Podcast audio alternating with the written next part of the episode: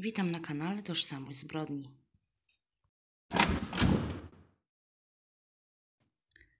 Kiedy Michał nie pojawił się w pracy, w poniedziałkowy poranek, zaniepokojeni właściciele gospodarstwa agroturystycznego postanowili sprawdzić przyczepę kempingową, w której chłopak pomieszkiwał na czas pracy sezonowej. W przyczepie nie odnaleźli chłopaka, natomiast zauważyli, że Michał zostawił swoje dokumenty, ubrania, a nawet laptopa i pieniądze. 17 września 2012 roku, pamiętnego poniedziałku, rozpoczęto poszukiwania Michała S.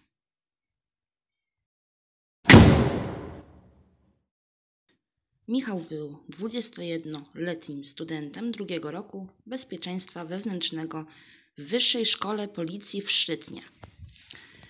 Mieszka z rodzicami, siostrą i bratem w Braniewie. Braniewo to miasto położone w województwie warmińsko-mazurskim.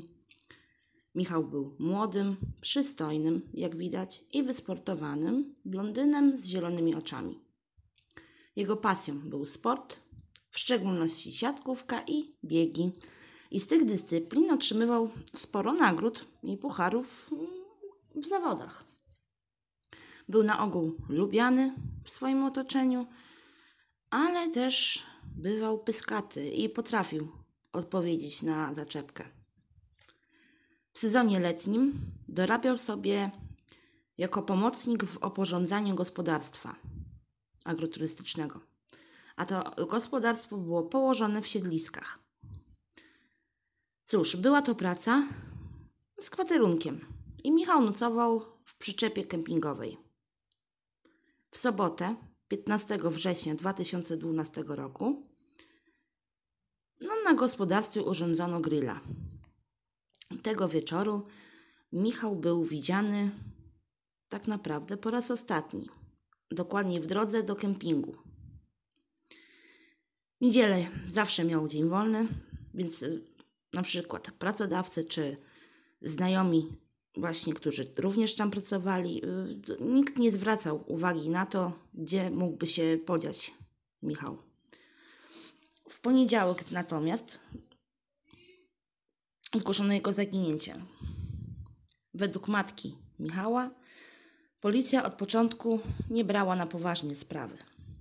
Śledczy uznali zniknięcie chłopaka za zwykłą ucieczkę i niechęć do informowania rodziny o miejscu swojego pobytu.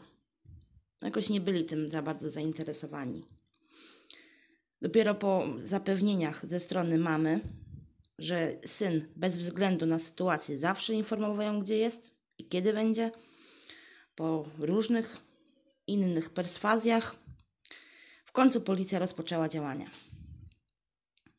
Udział w poszukiwaniach brały m.in. śmigłowce z kamerami termowizyjnymi, paralotnie, motolotnie, a również psy tropiące ludzkie zwłoki.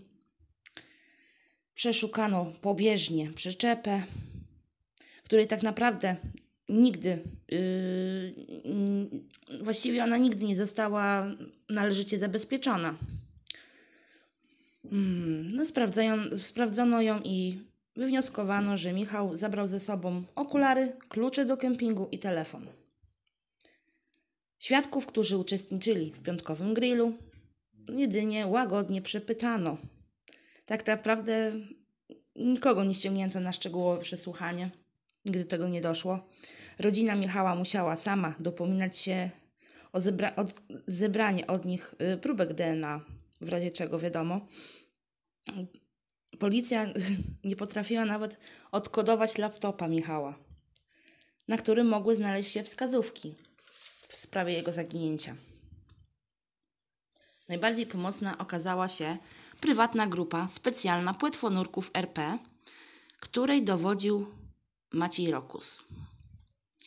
Technicy zajęli się laptopem, z którego ostatecznie nic nie wynikło, a płetwonurkowie przeczesali dno jeziora Kalwa. Niestety, wszystkie działania nie przyczyniły się do odnalezienia chłopaka. Matka Michała przypuszczała, że coś złego musiało się wydarzyć podczas lub po grillu. Z biegiem czasu nic to dziwnego. Matka chłopaka, straciła wiarę, że odnajdzie syna żywego. 18 dni po zaginięciu Michała, 3 października 2012 roku, znana jasnowic Maja Danilewicz na swojej stronie opisała swoją wizję, w której Michał szedł pijany i wzburzony, wręcz będąc w amoku do swojego lokum. Następnie widziała już go martwego wśród gęstych krzaków, drzew, wokół wysepek przypominających kretowi kretowiny. Było to w lesie. Do tego chłopak w jej wizji był przykryty liśćmi i ziemią.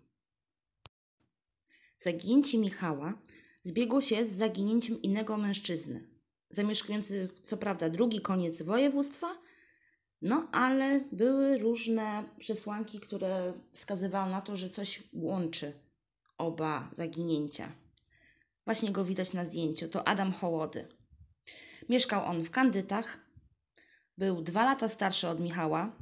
Zaginął yy, praktycznie z 14 na 15 września 2012 roku.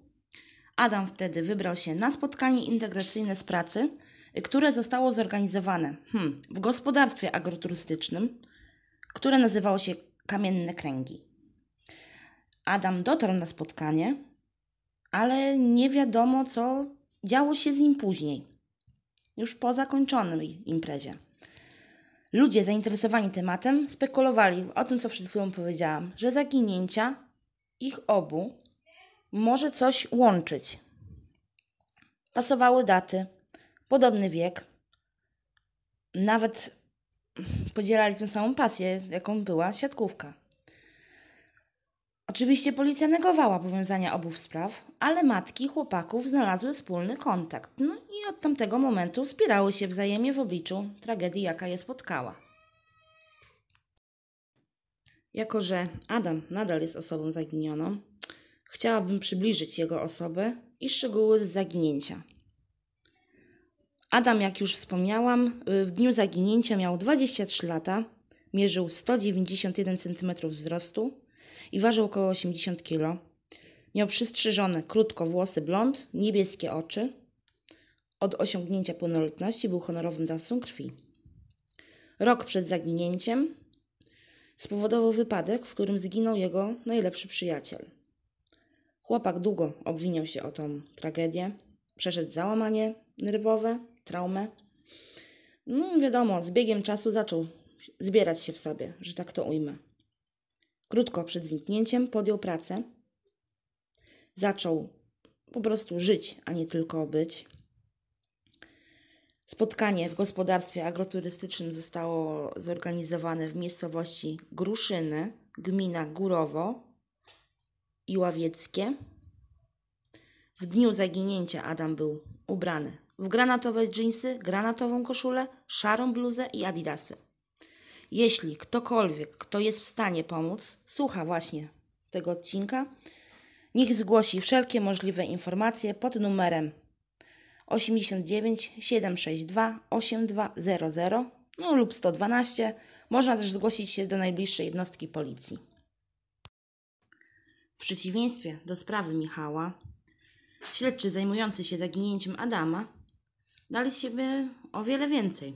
Poszukiwania były prowadzone no, na dużym, rozległym obszarze, za pomocą oczywiście ochotników, jak i policji, strażaków, wojska, paralotni czy motolotni. W przypadku szukania Adama mm, policja podeszła poważnie i nie opieszale do sprawy.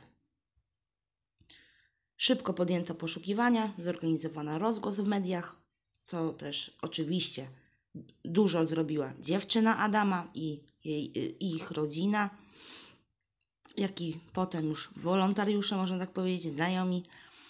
Mm, policja miała, i to jest bardzo ważne, stały kontakt z rodziną chłopaka i naprawdę wspólnymi siłami próbowano rozwikłać zagadkę jego urwanego śladu, no ale jak na razie nic z tego nie wynika. Co prawda, śledczy w dalszym ciągu yy, sprawdzają jego potencjalną aktywność w internecie. Mm, na samym początku pobrali już próbki DNA od rodziny, o co już jak mówiłam, y, w przypadku Michała no, rodzina musiała sama się upominać. Póki co sprawa jest w toku, zobaczymy jak się rozwiąże. Matka Michała mm, wolała dowiedzieć się najgorszej prawdy niż żyć w niepewności i to nikogo dziwić nie powinno. I można powiedzieć, że jej cierpienie i niemoc prawdopodobnie zostały choć, chociaż trochę wyciszone 28 czerwca 2017 roku. Tego dnia przypadkowy mężczyzna zgłosił na 112, że widział na powierzchni jeziora Kalwa unoszące się zwłoki. Po ściągnięciu ich na brzeg okazało się, że są niekompletne, są w zaawansowanym stanie rozkładu. Technicy nie mogli nawet stwierdzić, czy szczątki należą do kobiety, czy do mężczyzny. Zabezpieczono resztki też ubrań, jakie y, miało na sobie ciało. Podjęto sekcję zwłok i oczywiście badanie DNA. Dwa tygodnie później y, odnaleziono resztę szczątek. I cóż, sekcja zwłok nie wskazała przyczyny zgonu.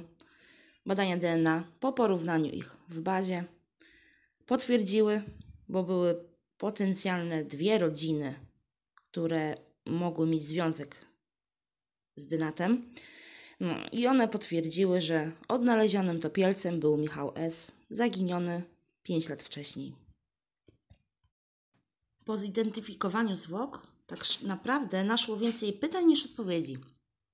Bo jak wytłumaczyć fakt, że podczas przeszukiwania dna jeziora nie znaleziono ciała Michała? Na samym początku poszukiwań. Otóż jezioro Kalwa jest specyficznym miejscem, jego linia brzegowa o długości ponad 36 km jest urozmaicona wieloma małymi zatoczkami, półwyspami. Brzegi jeziora są na przemian wysokie i strome. Na jeziorze znajduje się, uwaga, łącznie 8 małych wysepek. No i na tak rozległym i gęsto usianym kryjówkami terenie nie ciężko o przeoczenie ciała, które chwili tuż po zgonie może płynąć, dryfować zarówno na powierzchni, może pływać na dnie y, jeziora. I to nie jest nic dziwnego, no, po prostu. Mogło to ciało się nawet tak szczerze zahaczyć o wspomniane zatoczki. I nikt nie jest w stanie jednocześnie za jednym zamachem sprawdzić całego jeziora. W sensie, że nikt nie może być w, w każdym możliwym miejscu i akurat patrzeć, czy pływają zwłoki. Kolejne pytanie, jakie przychodzi mi do głowy, mm, to w jaki sposób Michał stracił życie? Czy były to czy były w to zamieszane osoby trzecie? Czy może to po prostu nieszczęśliwy wypadek? No chłopak miał przed sobą całe życie, jakoś nie wierzę w samobójstwo. Chociaż też to może być jakaś opcja. Czy kiedyś się dowiemy, co stało się z Michałem? Tego nie wiem. Zobaczymy.